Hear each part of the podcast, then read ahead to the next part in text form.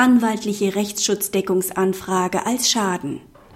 Erledigt der Rechtsanwalt für den Mandanten den Schriftwechsel mit dem Rechtsschutzversicherer, hier ein Betriebskostenstreit, ist dies ein eigenes abrechnungsfähiges Mandat, dessen Kosten vom Gegner aber nicht zwingend ersetzt werden müssen.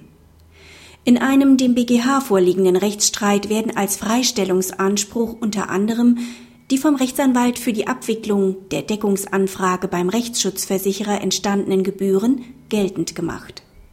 Der Kläger kann mit seiner Forderung aber nicht durchdringen. Zwar rechnen zum Verzugsschaden auch die Rechtsverfolgungskosten, wozu auch die Kosten einer Deckungsanfrage bei einem Rechtsschutzversicherer zählen.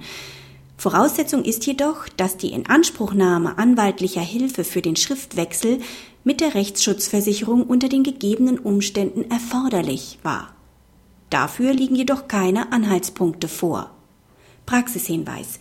Die Entscheidung ist zu begrüßen, denn dem Rechtssuchenden ist es zuzumuten, seinen Schriftverkehr mit der Rechtsschutzversicherung zumindest in einfach gelagerten Fällen selbst zu führen.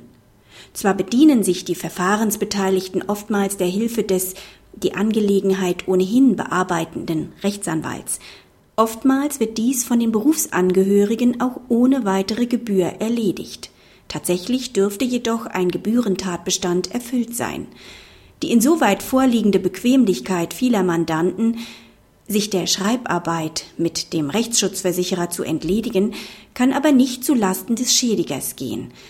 Der Grundsatz, einfache Rechtsangelegenheiten selbst erledigen zu müssen, hat in das Schadensrecht auch anderweit Eingang gefunden.